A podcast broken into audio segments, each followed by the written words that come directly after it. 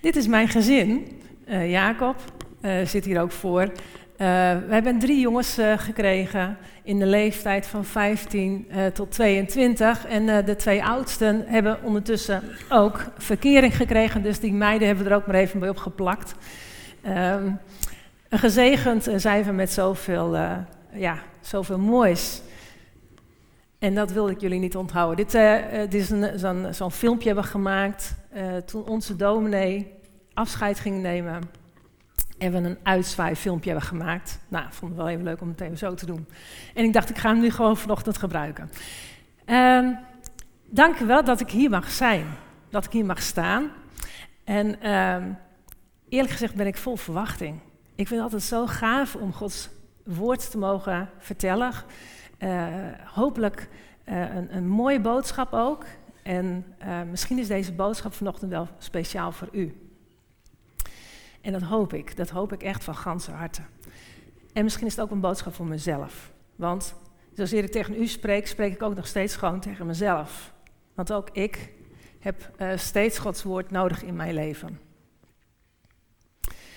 Naast dat ik uh, af en toe mag spreken, ben ik trainer, facilitator noem ik het eigenlijk, in de creatieve denkprocessen. Ik maak spellen, ik help kennisondernemers om ehm, ja, het wat speelser aan te pakken. Vandaar ook het woord speelruimte, speels.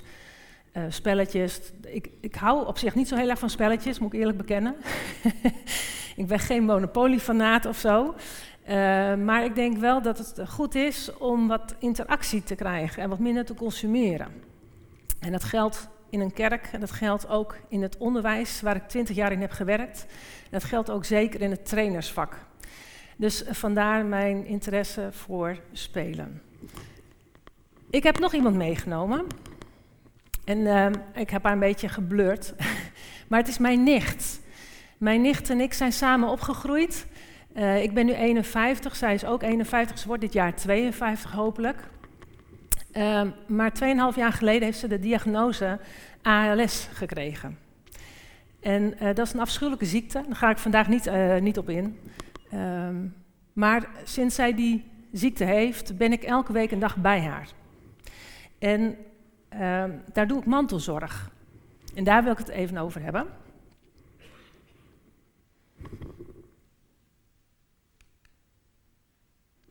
En voordat ik daarover ga hebben, laat ik eens nog even mijn auto zien.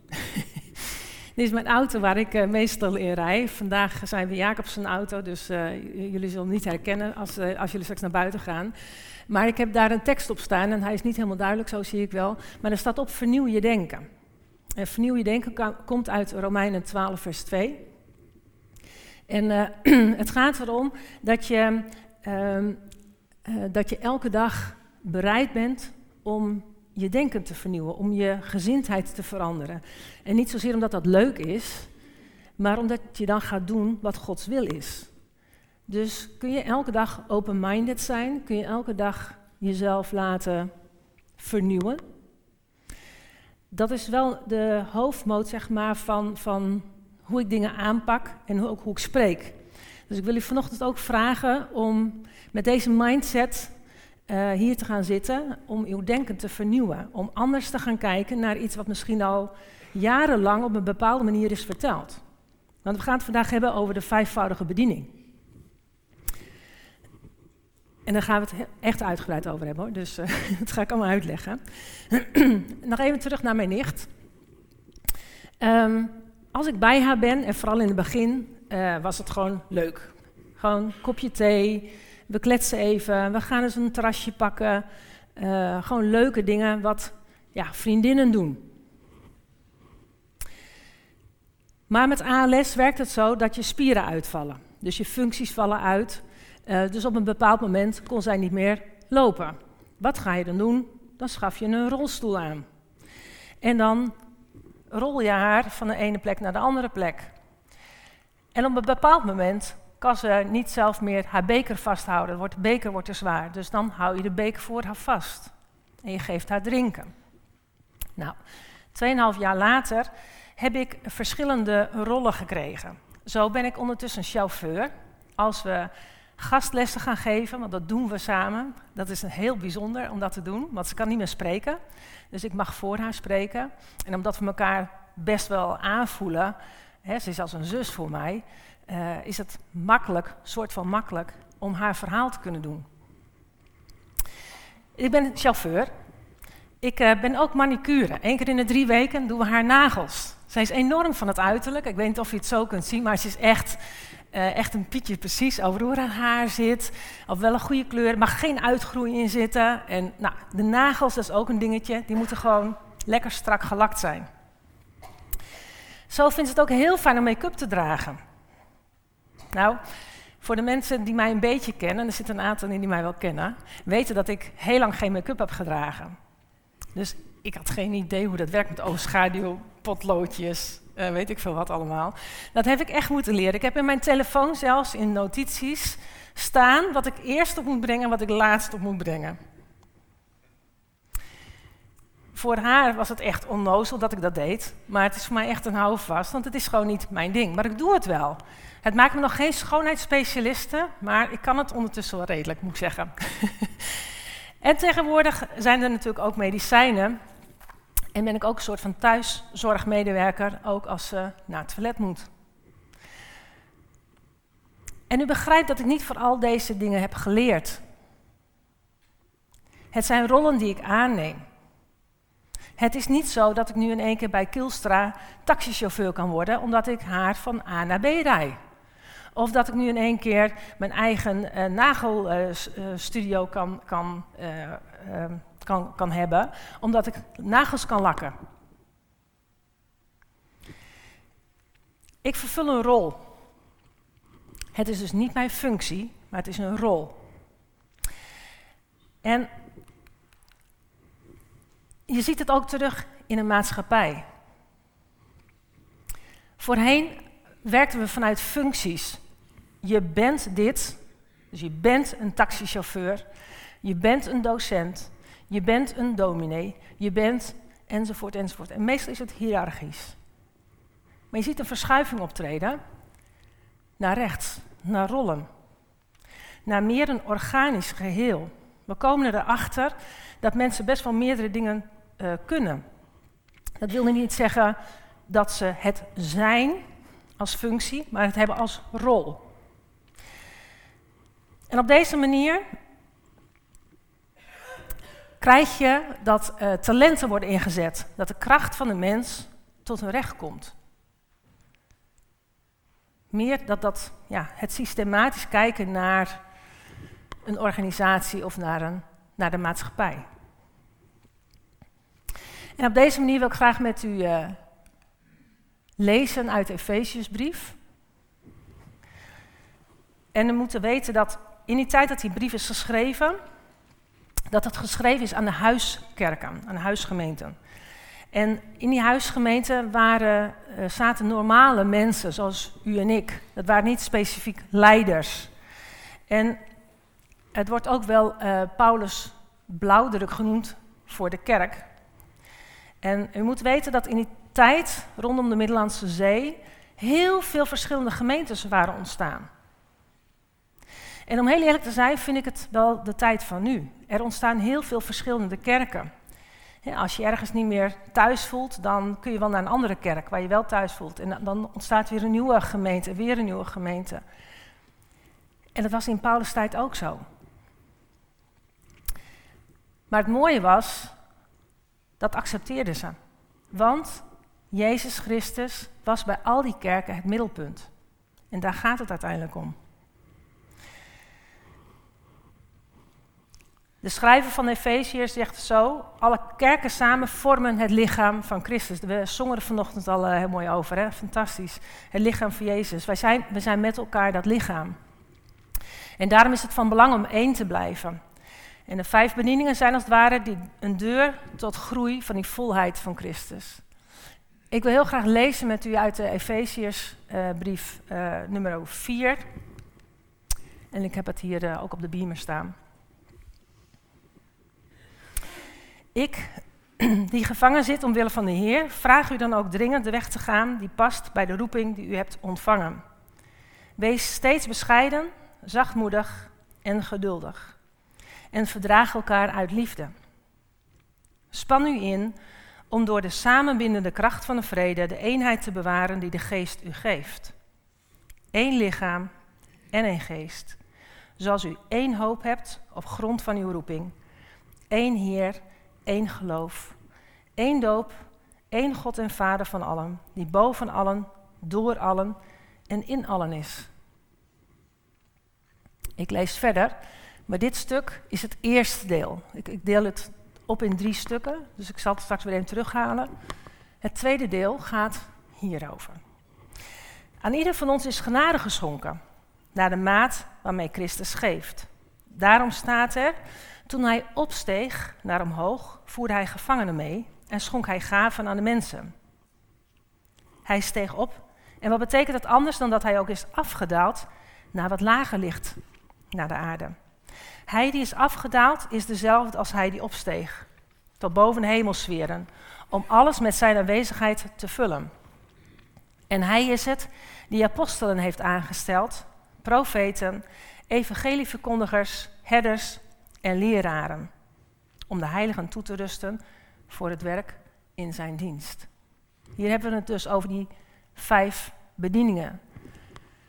De apostel, profeet, evangelist, de herder en de leraar. En dan deel 3. En zo wordt het lichaam van Christus opgebouwd, totdat wij alle samen door ons geloof en door onze kennis van de Zoon van God een eenheid vormen.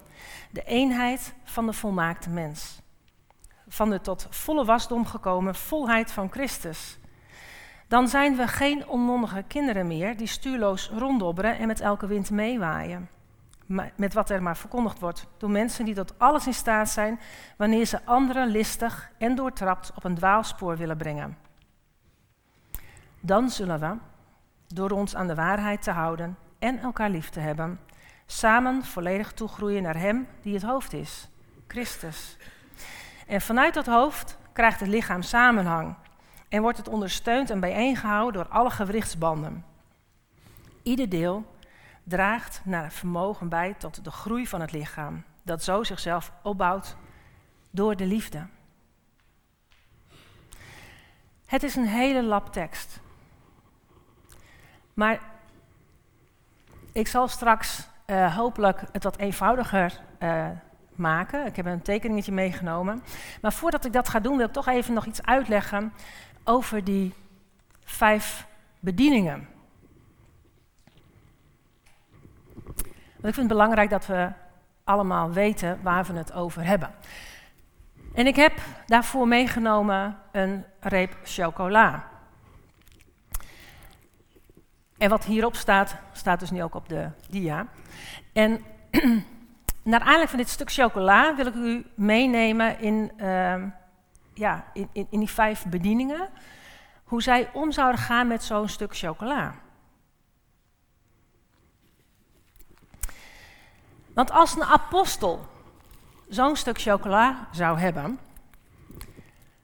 wat zou hij er dan mee gaan doen? Hoe zien wij naar die apostel? Hoe kijkt die apostel naar dit stuk chocola?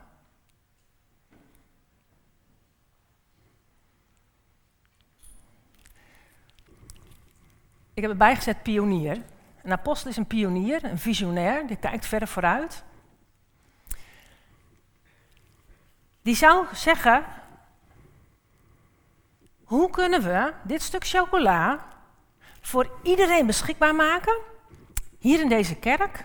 Nee, nee, nee. Hoe kunnen we dit beschikbaar maken voor, voor iedereen hier in Drachten? Nee, in, in Friesland. Gewoon in heel, heel Nederland gewoon. Weet je dat we over drie jaar gewoon iedereen elke dag gewoon zo'n zo'n reep chocola kunnen geven. En, en dan daarmee de boodschap van je. Nou, je begrijpt wel, dat is zo'n hoogvlieger. Dat is iemand die gewoon heel ver vooruit denkt. En, en waarbij de leraar denkt van, ja, hou eens even. Hou eens even. Ja, maar dat is de bedoeling niet. De profeet gaat over de aanwezigheid van de Heere God. Hoe zou de profeet omgaan met zo'n stuk chocola? De profeet heeft een kort lijntje met de Heere God. En is natuurlijk fantastisch, zo'n stuk chocola. Maar is het wel Gods bedoeling om deze reep chocola uit te delen? Bereiken we daarmee het doel wat God voor ogen heeft? Hebben we wel even stilgestaan bij wat God nu eigenlijk wil? En u merkt dat de profeet wat ingetogener is. Die heeft zoiets van, leuk en aardig allemaal, wat die apostel allemaal wil, maar laten we ons even goed realiseren dat we dat maar vrij niemand doen, en dat is onze Heer. De E van de evangelist, en hij zit op een relatie. Nou, weet je, die reep chocola voor de evangelist is natuurlijk een prachtig mooi middel om mensen naar die kerk te lokken. Hè? Zou je ook een stukje chocola willen? En we hebben zondag ook een dienst. hartstikke leuk, we hebben nog meer repen. En uh, kom je ook? Dat is hartstikke leuk, weet je? En u merkt al, ik ga automatisch een beetje naar voren, want ik wil iedereen die kerk in hebben. Dat doet een evangelist. Die zit op de relatie, die gaat, dat, weet je, dat stuk chocola is leuk, maar het gaat natuurlijk om die mensen. En als ik die kan lokken met een stuk chocola, dat is natuurlijk fantastisch. En de herder, die gaat voor de gemeenschap. De herder moet natuurlijk over zijn schaapjes denken, om zijn kudde. Dus als daar een reep chocola in het spel komt, dan zegt de herder: We gaan het wel eerlijk verdelen. Voor iedereen wat. Iedereen heeft een stukje nodig. Het, het is natuurlijk hartstikke leuk, zo'n zo reep chocola. Is toevallig zo'n Tony Chocoloni, die heeft ook nog van die ongelijke stukken. Dat is niet helemaal eerlijk natuurlijk. Nee. Nee, als herder wil je het beste voor al je schapen. En dan tot slot de leraar. En de leraar vindt het allemaal wel leuk, zo'n stuk chocola. Maar weten we nu eigenlijk wel waar het van gemaakt is? Wat voor bestanddelen zitten nou in zo'n reep chocola? Is het wel verantwoord eigenlijk? Komt ook kinderarbeid aan te pas? Is het wel duurzaam gemaakt? Voordat we dat gaan uitdelen, en voordat je wil dat heel Friesland zo'n reep gaat krijgen elke dag, moeten we ons toch even goed realiseren of de bestanddelen die hierin zitten wel oké zijn. En komt het wel ook wel overeen met de Bijbel? Want dat is toch Gods woord waarop wij bouwen. U begrijpt dat al deze vijf verschillende bedieningen anders naar een reep chocola kijken, oftewel anders naar een uitdaging kijken. Maar u begrijpt ook dat elke bediening nodig is in het koninkrijk van God. Want waar zou zo'n chocoladebedrijf zijn zonder een apostel, zonder visie? En zonder integriteit van die profeet? Geen enkel geschenk, geen enkele gift, geen enkele bediening staat boven een ander. Maar samen vormen ze dat lichaam van Christus. En ik had u gezegd dat ik een simpeler plaatje mee zou nemen voor de enorme lab tekst. Het eerste stuk wat we hebben gelezen van vers 1 tot en met 6 gaat over eenheid, over de onderste, over de basis. Wat, wat daar staat is um, dat het belangrijk is dat we die eenheid moeten hebben, dat we die eenheid mogen omarmen. Maar hoe ontstaat eenheid? Eenheid kunnen we natuurlijk vragen aan Heere God. Maar ik geloof er niet zo in dat wij alleen maar hoeven af te wachten. Wij mogen zelf ook inzet tonen. Maar waarop moeten we dan inzet tonen? Eenheid ontstaat wanneer je dezelfde taal spreekt. Hebben we het met elkaar over hetzelfde als we het hebben over uh, bijvoorbeeld profetie? Het kan best zijn dat er gemeenteleden zijn die zeggen van ja, profetie, dat was van het Oude Testament. Dat is nu helemaal niet meer aan de orde. Of een ander zegt nee, daar moet je heel voorzichtig mee zijn. Want het kan zomaar van de duivel zijn wat je zegt. En een ander die zegt, joh, maar dat is gewoon hartstikke fijn. Als ik woorden krijg van de Heer, mag ik ze doorgeven. En ik weet niet hoe u dat in deze gemeente doet. Maar ik weet in de gemeente waar wij vandaan komen, in Friesepalen, dat daar best wel uh, verschillend over wordt gedacht. En dat mag. Dat mag. Maar je krijgt eenheid door met elkaar daarover in gesprek te gaan, een dialoog aan te gaan. Geen discussie om een ander over de brug te trekken, over de streep te trekken, maar juist in dialoog te gaan met elkaar. Bij die eenheid hoort ook relaties. Zijn er welgemeende, echte, intense relaties? Gun je de ander ook wat? Of is er alleen maar gehakketak? Als iemand het niet met jou eens is, kun je dan vol liefde en nederigheid naar die ander blijven luisteren?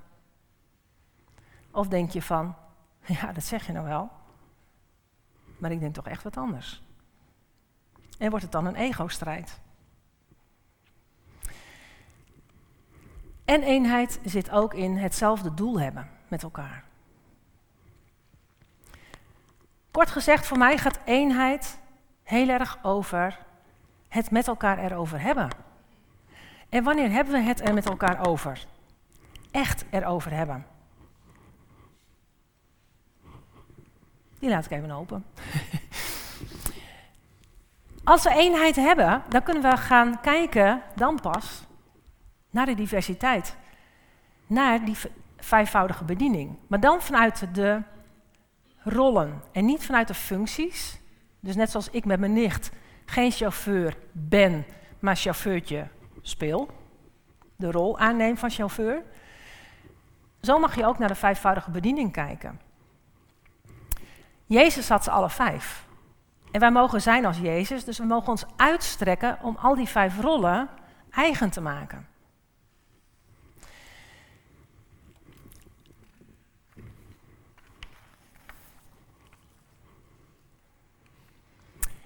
En toch zien we in heel veel gemeenten een voorkeur voor één of twee van deze rollen. Ik ga weer even terug naar onze eigen gemeente in Friese Palen. Daar uh, hebben we een herderlijke, uh, ook wel een beetje leraargemeente. Maar het gaat vooral om het herderlijke. We moeten het vooral leuk hebben met elkaar. Gezellig, samen, lekker, kerkje spelen, zo. En evangelisten in onze gemeente worden daar doodongelukkig. De apostel in onze gemeente worden doodongelukkig. Want die willen ook kijken van, hé, hey, maar bestaan wij over vijf jaar nog of tien jaar? En wat doen we dan? En hoe gaan we dan de jeugd erbij betrekken? En het is geen oordeel wat ik nu uitspreek, maar het is puur om even gewoon lekker gechargeerd te zeggen hoe het ervoor staat. Een Bethelgemeente bijvoorbeeld is een evangelische gemeente. Die zet enorm in op het evangelische stuk. Mensen naar binnen halen. En dat is hartstikke fijn. En waar is het apostolische? Waar zijn de profeten? Ik weet niet hoe het in deze gemeente is, maar het is wel een mooi om het dus met elkaar erover te hebben. Zijn al die vijf rollen evenwaardig? Of hebben wij hier ook een voorkeur voor de een of de ander? En niet omdat het verkeerd is, het is gewoon om een stukje bewustwording te kweken. Want voor iedereen is er speelruimte nodig om te kunnen spelen in Gods gemeente. En waarom? Omdat we uiteindelijk die volwassenheid nastreven. Dat we niet meer die onmondige kinderen zijn die een beetje stuurloos ronddobberen. Nee, de Heere God wil graag dat we groeien in volwassenheid. En je bouwt een huis niet vanaf een dak. Je bouwt een huis vanaf de, de, de fundering. Dus die eenheid moet er eerst zijn. Dan moet er oog zijn voor die diversiteit. Oog voor alle vijf. Pas dan kan je groeien naar volwassenheid. Even een heel klein tussenstapje. Ik zag van de week een heel leuk, een leuke post op, uh, op internet. En die triggerde mij. Ik ga hem even voorlezen. Ik zou sterven voor mijn kinderen, wordt er wel eens gezegd door ouders. Maar zou je ook voor ze willen leven? Echt leven. Betere keuzes maken, talent ontwikkelen, voelen dat je je volle potentieel leeft en doet waarvoor je bedoeld bent. Je hebt kinderen niet nodig om voor hen te sterven, Maar ze hebben jou juist nodig om te kunnen leven. Nou ja, reageer met een hartje als je het hiermee eens bent. Dat is echt zo'n social media dingetje natuurlijk. Maar waar het mij hier om gaat, is dat, ja weet je, we zijn zo vaak bezig met of we later wel in de hemel komen. Of we wel zeg maar, een lekker plekje krijgen. Maar Gods koninkrijk is nu al op aarde. Het is niet perfect, het is niet helemaal volledig nog. Maar wat als we mogen leven en ons volle potentieel kunnen gebruiken? Dan moeten we wel weten wie we zijn. Dan moeten we ook weten wie onze buurman of buurvrouw is. Want als ik als, ik ben een apostolische uh, dame, uh, kwam ik later pas achter trouwens. Maar als ik dus denk, ik had dus echt gedacht van dat iedereen altijd nadenkt over wat er over drie of vijf jaar gebeurt. Dat blijkt dus niet zo te zijn. En dat, dan krijg je ook heel vaak miscommunicatie. Hè? Dan, dan denk je van ja, maar dan denk je erover na. Nou, die herder die denkt er helemaal niet over na. Want die herder die vindt die schaapjes veel belangrijker. En dan kan je miscommunicatie krijgen. Dus het is gewoon heel erg belangrijk om iedereen in het oog te hebben. Zodat je kan gaan spelen met elkaar. Zodat je ruimte krijgt om te spelen. En niet omdat wij dat allemaal zo fantastisch vinden, omdat dat Gods wil is.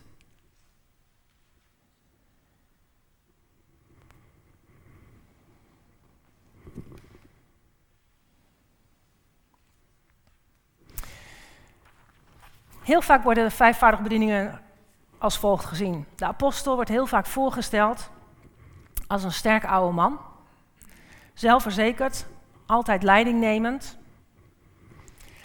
Uh, de profeten worden vaak gezien als uh, van die vrouwen in die paarse, overzijste jurken. Evangelist van die luide mannen, hè? Die, uh, die best wel intens zijn af en toe, ook wel wat een beetje vervelend, een beetje, ja, een beetje de vertegenwoordigers, zeg maar. Beetje opdringerig.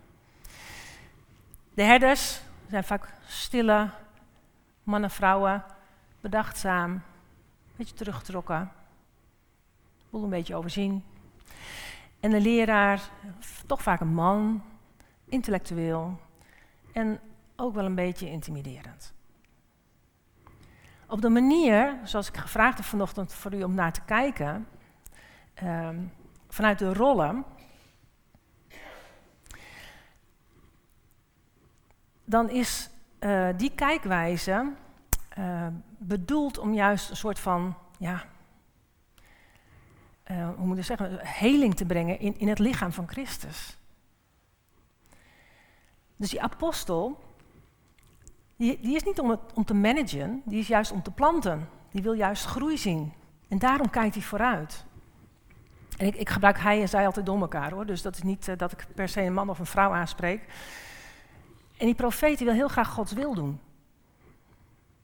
Een evangelist wil graag het goede nieuws brengen. de herder gebrokenen genezen en helpen. En de leraar wil die Bijbel onder de loep nemen. En het denken vernieuwen. En Jezus had ze alle vijf. Jezus was apostel, hij wist waar hij naartoe ging. En Jezus was ook zeker profeet, tot aan het laatste toe. Hè?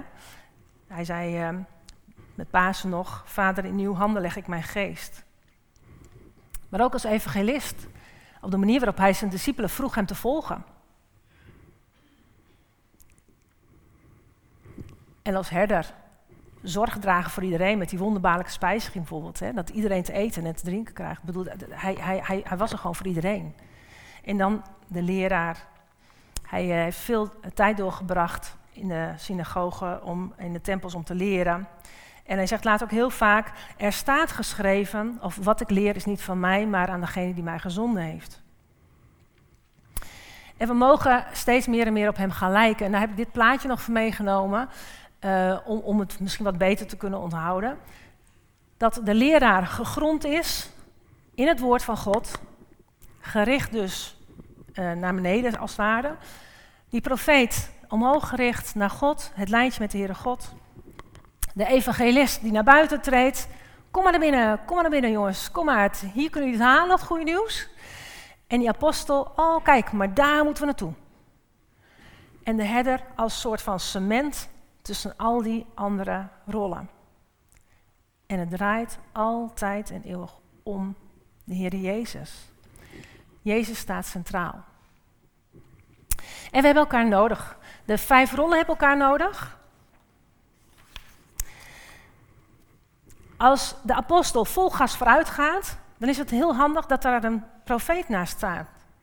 Die kan zeggen van, joh, maar denk even aan de visie die God op onze gemeente heeft.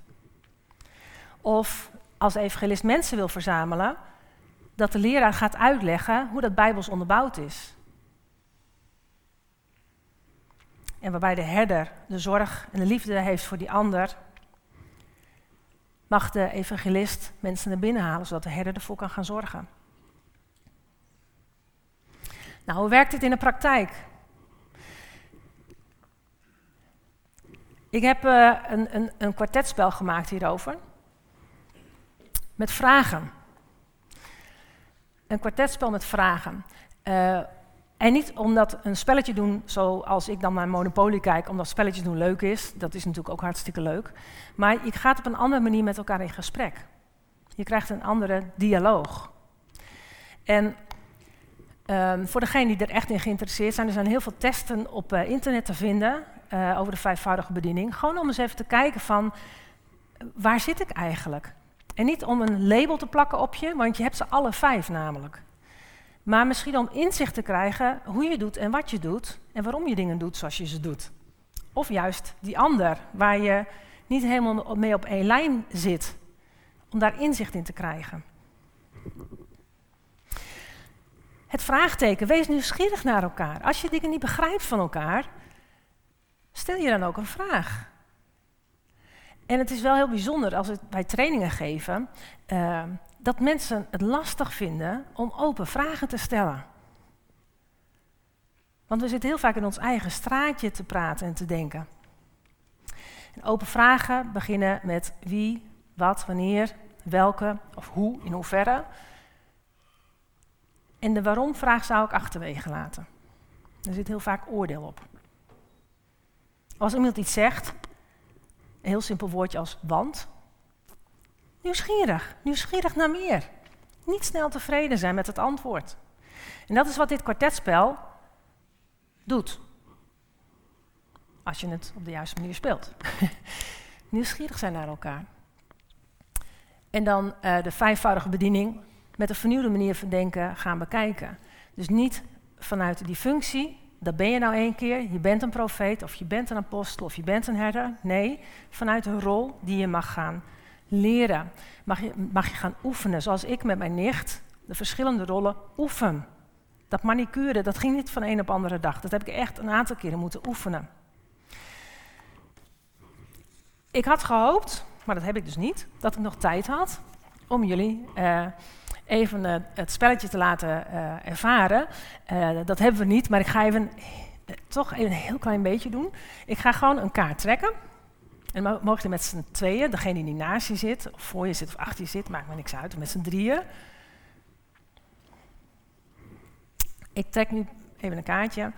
En uh, uh, het kwartetspel is opgebouwd uit deze vijf bedieningen, plus drie extra.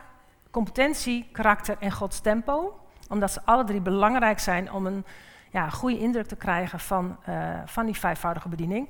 Ik heb nu toevallig het, het kaartje karakter getrokken. En er staat bij de vraag, uh, het gaat over het onderdeel nederig zijn in karakter. Hoe kun je anderen liefdevol en nederig toespreken? Hoe kun je anderen liefdevol en nederig toespreken? Ik heb hem gisteren ook gedaan bij uh, bij de jeugdwerkersopleiding. En uh, we kregen een hele mooie dialoog over wat is het dan liefdevol en wat is het dan nederig.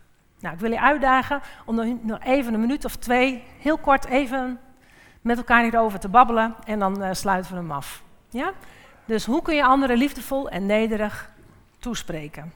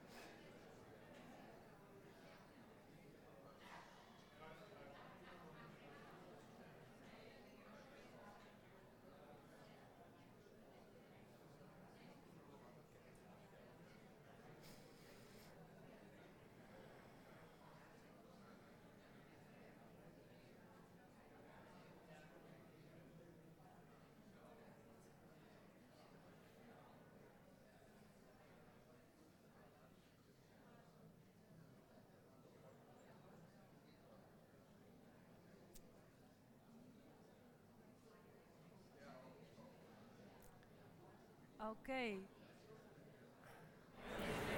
Oké.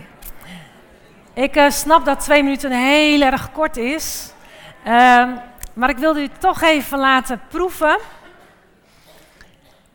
aan wat het betekent om op een andere manier in verbinding met elkaar te zijn over vragen die u op het eerste gezicht zelf nooit zou stellen. Uh, maar ik weet ook dat praten met elkaar uh, veel fijner is onder het genot van een kopje koffie. Dus uh, ik nodig u uit om straks even een kopje koffie te doen. Ik heb een aantal spellen mee, dus mocht u nog een aantal andere vragen willen zien, inzien, voel u vrij om even zo'n spel even te pakken en, en het gewoon eens te bekijken. En ja, om, om op een andere manier te gaan koffie drinken met elkaar. Want daar start, start de verbinding ook mee. Dat je op een ander level met elkaar gaat spreken. Uh, waarom doen we dit? Zodat je je volle potentieel kan inzetten in Gods koninkrijk. Zodat iedereen, maar ook echt iedereen, weet dat hij van waarde is. Dat hij een plek heeft in Gods koninkrijk. En uh, dat je allemaal rollen te vervullen hebt. En dat je alle rollen ook mag leren te ontwikkelen. Ik wens u heel veel zegen toe uh, in deze gemeente. En ik hoop dat er een klein beetje is aangewakkerd van uh, nieuwsgierigheid rondom dit thema. En uh, mocht u er meer over willen weten, dan ben ik straks nog beschikbaar om nog vragen te beantwoorden. En dan sluit ik hem hierbij af. Amen.